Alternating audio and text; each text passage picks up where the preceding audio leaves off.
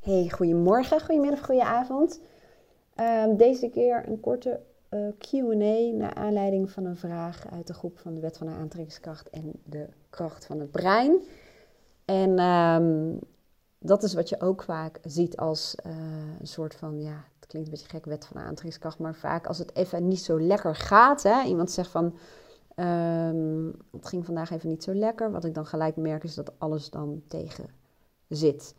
En ik ben me er enorm bewust van, alleen lukt het even niet om hoger op die emotionele uh, ladder te komen. Met de emotionele ladder bedoel ik de ladder waar uh, Esther Hicks of Abraham Hicks naar verwijst. Daar staan 22 categorieën op qua um, emoties. En je ziet dat het eigenlijk gradaties zijn. Dat aan de onderkant van de ladder of de geleidingsschaal, hoe je hem ook wil noemen, staan dingen zoals angst, machteloosheid, krachteloosheid. En aan de bovenkant, nou ja, de hoogste emoties. En dat fluctueert als het ware. Um, en soms zit je gewoon wat lager op die emotionele ladder en dan voel je gewoon wat minder en heb je soms ook wat minder energie. Of dan kun je de dingen wat moeilijk uh, positief uh, bekijken. En deze uh, persoon vraagt: wat is nou wijsheid? Bijvoorbeeld dingen van mijn positieve lijstje doen. Dat is de happy list um, waar ze naar verwijst. Ja, dat kan helpen. Het kan helpen om te kijken of het je lukt om op die emotionele uh, geleidingsschaal, die ladder, omhoog te klimmen. Hè? Is het mogelijk door je aandacht op iets anders te richten? Lekker muziekje of even lekker bezig zijn met waar je van houdt. Of bezig met je vision board of uh, dingen waar je invloed op hebt om je al iets beter te voelen. Het is ook niet het streven of het doel om helemaal omhoog naar die ladder te gaan. En dan het stukje waar ik het eigenlijk dan ook over wil hebben, um, waarbij ik misschien niet meteen antwoord op geef van wat is nou wijsheid uh, om te doen. Maar het is niet altijd zo, dat is mijn visie in elk geval, om er ook altijd wat aan te moeten doen. Um, soms helpt het ook alleen al om uh, waar je op dat moment in zit, om dat als het ware te accepteren. Accepteren vind ik altijd een beetje een moeilijk uh, woord. Maar wat ik daarmee bedoel, um, als je nu naar buiten kijkt, het is nu 30 april. Um, en als je dat vergelijkt met de afgelopen dagen, want vandaag regent het. En het is druilig. Druilig is natuurlijk bij wijze van spreken een soort van oordeel en label wat ik hang aan wat ik buiten waarneem. Maar um, de dagen ervoor uh, hebben we fantastisch mooi weer gehad. Tenminste, dat is wat ik in elk geval uh, als label eraan hang, om het zo te zeggen, als het heerlijk zonnig is. En um, ja, nu zie je dat het regent. En in de natuur is er ook een soort um, ja, wisseling hè, van, van, van weer in dit geval. En uh, zoals ik er naar kijk, gaat het ook heel erg over balans. En alles in de natuur, dus ook jij, is op zoek naar balans, naar een harmonie die werkt.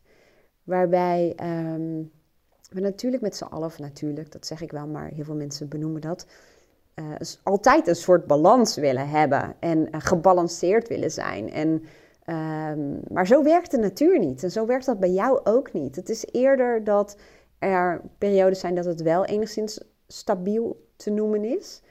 Maar er zijn ook heel veel periodes waarin er gewoon heel veel uitschieters zijn. En in mijn beleving is dat ook oké. En ik ga even een voorbeeldje noemen. Uh, een heel andere context, maar daar kan je misschien wel een beetje uithalen wat ik ook bedoel met die uitschieters en met het zoeken naar harmonie. Um, een klant van mij die uh, vertelde mij dat ze heel vroeg start op haar werk en de hele dag doorwerkt en geen tot weinig pauzes neemt. En ze zegt, s'avonds kan ze alleen nog maar gestrekt op de bank liggen, Netflixen en een beetje op haar telefoon lummelen. Terwijl ze nog zoveel andere plannen had, om het zo te uh, zeggen. Maar er komt niets meer uit.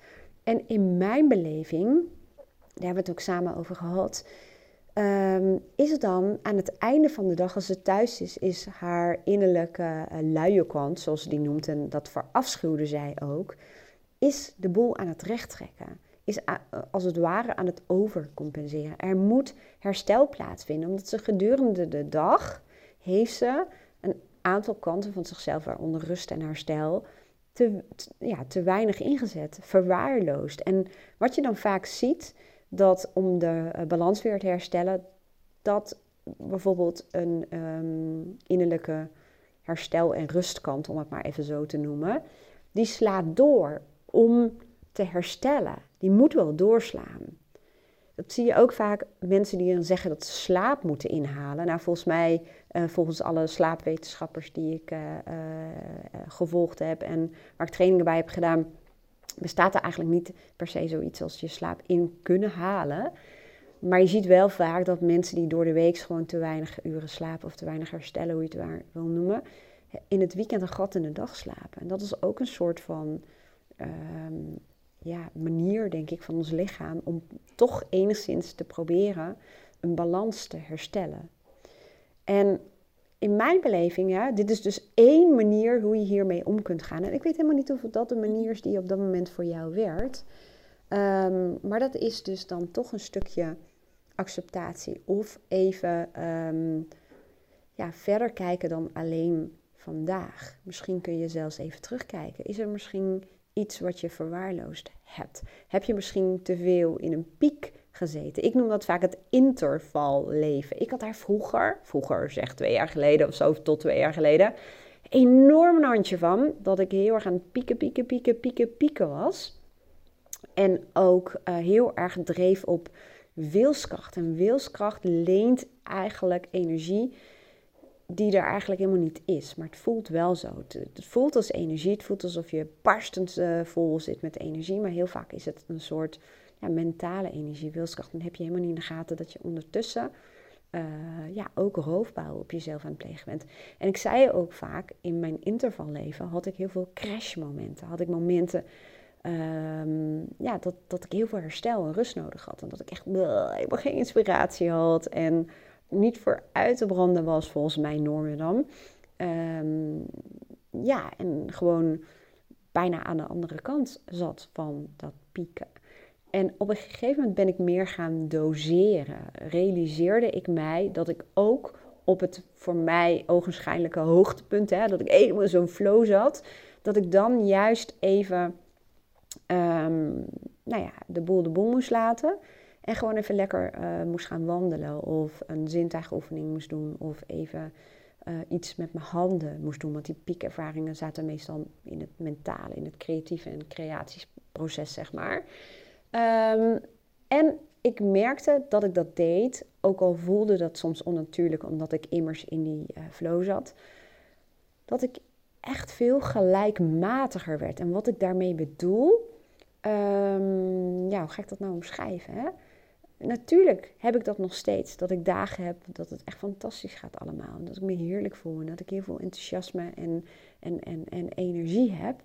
En er zijn ook dagen dat ik dat minder heb. Maar daar is het woord waar het eigenlijk om gaat. Minder. Niet meer zo'n um, ja, giga-crash. Of dat alles in één keer um, minder ging of tegen zat. Of... Um, dat ik helemaal niet meer vooruit te branden was. Ja, tenzij ik bijvoorbeeld een paar nachten minder heb geslapen, dan ervaar ik dat nog wel uh, zo.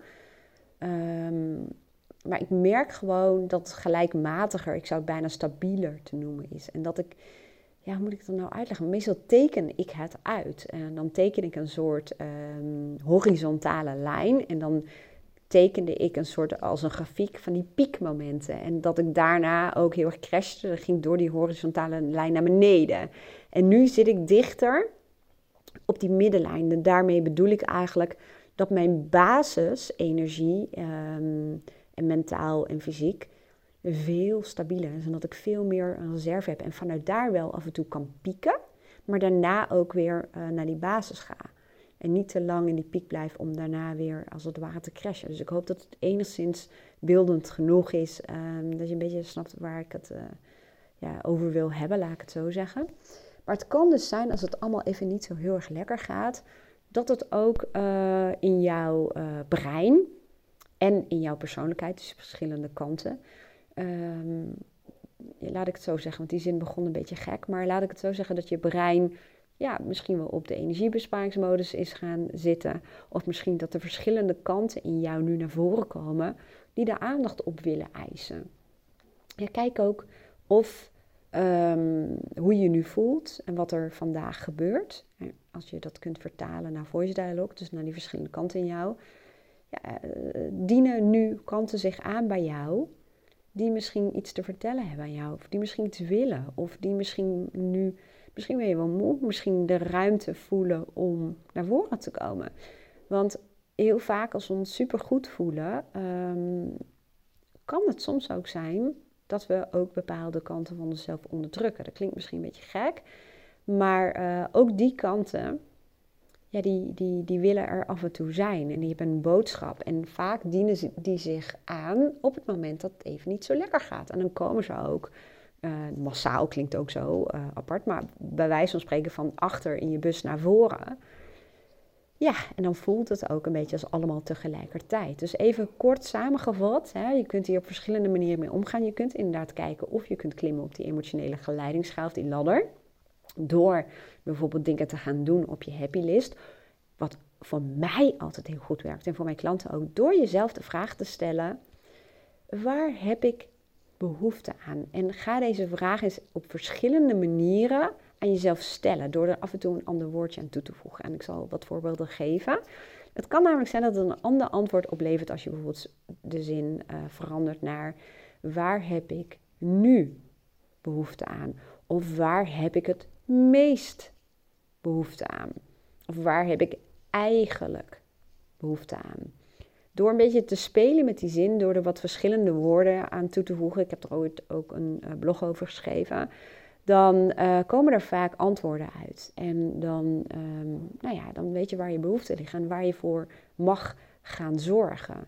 Dus eigenlijk zijn het drie dingen die ik, uh, nou ja, toch onbedoeld misschien heb gedeeld, die je eventueel zou kunnen doen. Dus die happy list, de vraag stellen waar heb ik behoefte aan en, en ga wat spelen met die zin. En de derde, uh, balans hè, en harmonie. Ga eens kijken, zijn er misschien kanten in jezelf of dingen in jezelf die je misschien de afgelopen periode misschien wat te weinig hebt ingezet of wat verwaarloosd hebt. Um, en wat voor kanten dienen zich nu aan? En als je er naar zou kunnen luisteren, wat hebben ze dan voor boodschap voor jou? Waar mag je dan voor zorgen? Um, en dat is ook in het verlengde van wat ik eerder zei, het accepteren. En het is dan eigenlijk waar ik nu naar verwijs. Ja, de, de emoties die er nu uh, komen, het gevoel dat er nu komt, um, het energieniveau wat je nu hebt misschien.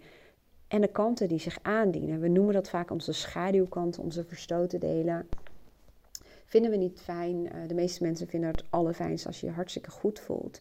Maar ja, in mijn beleving uh, helpt het enorm om je te realiseren dat een andere ja, staat van zijn, of hoe zeg je dat op verschillende andere kanten, die misschien niet zo heel erg fijn voelen, die zijn er gewoon, die hebben een functie. En heel veel mensen zeggen, ja, die kun je maar beter omarmen. Nou vind ik dat omarmen altijd een beetje een moeilijk of lastig woord, omarmen. Maar um, ja, ik zou zeggen, duw het niet weg, maar luister ernaar. Net als angst bijvoorbeeld, dat is ook zo'n kant in onszelf die we vaak, of emotie, ja, kanten en emoties zitten in mijn beleving ook bij elkaar, of die horen bij elkaar. Maar wat heeft je angst je te vertellen? En het letterlijk omarmen van je angst, gaan we nog podcast over opnemen, door angst als je vriend te zien, hè, door te zien als iets wat jou in leven houdt en wat echt een hele belangrijke taak heeft in je leven moet alleen niet aan je stuur gaan zitten. Maar wees er maar dankbaar voor. Ja, als je kijkt naar angst, uh, angst brengt je ook heel veel. Angst leert jou om kritisch te zijn waar je je tijd en je energie in steekt en waar je aandacht aan geeft. Omdat het je laat zien hoe kwetsbaar het leven kan zijn. En het kan ervoor zorgen dat je een hele dankbare houding krijgt. En het kan, je, kan ervoor zorgen dat je uh, nou ja, dingen als heel waardevol gaat ervaren. En daar heb je ook angst als het ware voor nodig. Dat was even een voorbeeld als het gaat om angst, hè, want dat heb jij natuurlijk helemaal niet genoemd in jouw uh, uh, WhatsAppje. Maar wel ja, dat zo'n dag in één keer uh, van alles niet lekker kan gaan. Ja, en dat is ook de wet van de aantrekkingskracht. Nou, ik hoop dat je hier wat aan had en laat het me even weten. En misschien luister jij dit en ben je geen lid van de WhatsApp wet van de aantrekkingskracht en uh, kracht van je brein. Als je dat wel wil, dat is gewoon een WhatsApp groep waar uh, ik vooral uh, content deel en oefeningen en uitleg en vragen beantwoord. Ik ga daar niet in coachen. Ik doe gewoon ja, in dat opzicht waar ik zin in heb en wat voor mij, we noemen dat in de groep ook afgestemd voelt. En um, ik heb ook een pagina waar alle content op staat. En waar je gewoon uh, nou ja, van alles mag afhalen wat je leuk vindt. En een WhatsApp-groep is eigenlijk ook heel erg bedoeld om gelijkgestemde mensen die bezig zijn met dit soort onderwerpen, bezig zijn met zelfontwikkeling, uh, met groei, uh, hè, mentale groei of spirituele groei, hoe je het ook wil noemen. Die komen er samen. we delen gewoon dingen met elkaar. Um, en ik merk gewoon dat helpt ook om hiermee bezig te zijn. Om ook dingen met elkaar te delen, om vragen aan elkaar te stellen en om een beetje in die vibe te blijven, om het even zo uh, te zeggen. En uh, Abraham Hicks, of Esther Hicks, die noemde dat ooit de high flying disc. En ik vind dat wel heel grappig. Misschien luister je ook wel video's of een podcast van, van haar. van Esther Hicks dus. En ja, dat is ook een beetje wat in die WhatsApp groep gebeurt. Nou, wil je daar ook onderdeel van uitmaken? stuur me dan even een WhatsAppje of een mailtje met jouw reden waarom je dat wilt doen. En uh, nou ja, vertel even kort, alsjeblieft kort, iets over jezelf. En dan uh, nou ja, kan ik even kijken of ik je kan toevoegen aan de groep. En uh, nou ja, je bent in elk geval van harte welkom. Nou, mocht je iets aan deze uitleg en podcast hebben gehad, dan laat even weten wat jouw inzichten zijn. En nou ja, het kan ook zijn dat je in je omgeving mensen hebt die hiermee bezig zijn, die hier iets aan kunnen hebben. Dus deel het. Laat een reactie of een review achter. Hartstikke leuk als je dat doet. Ik wens je een hele fijne dag en tot de volgende keer. Doei doei!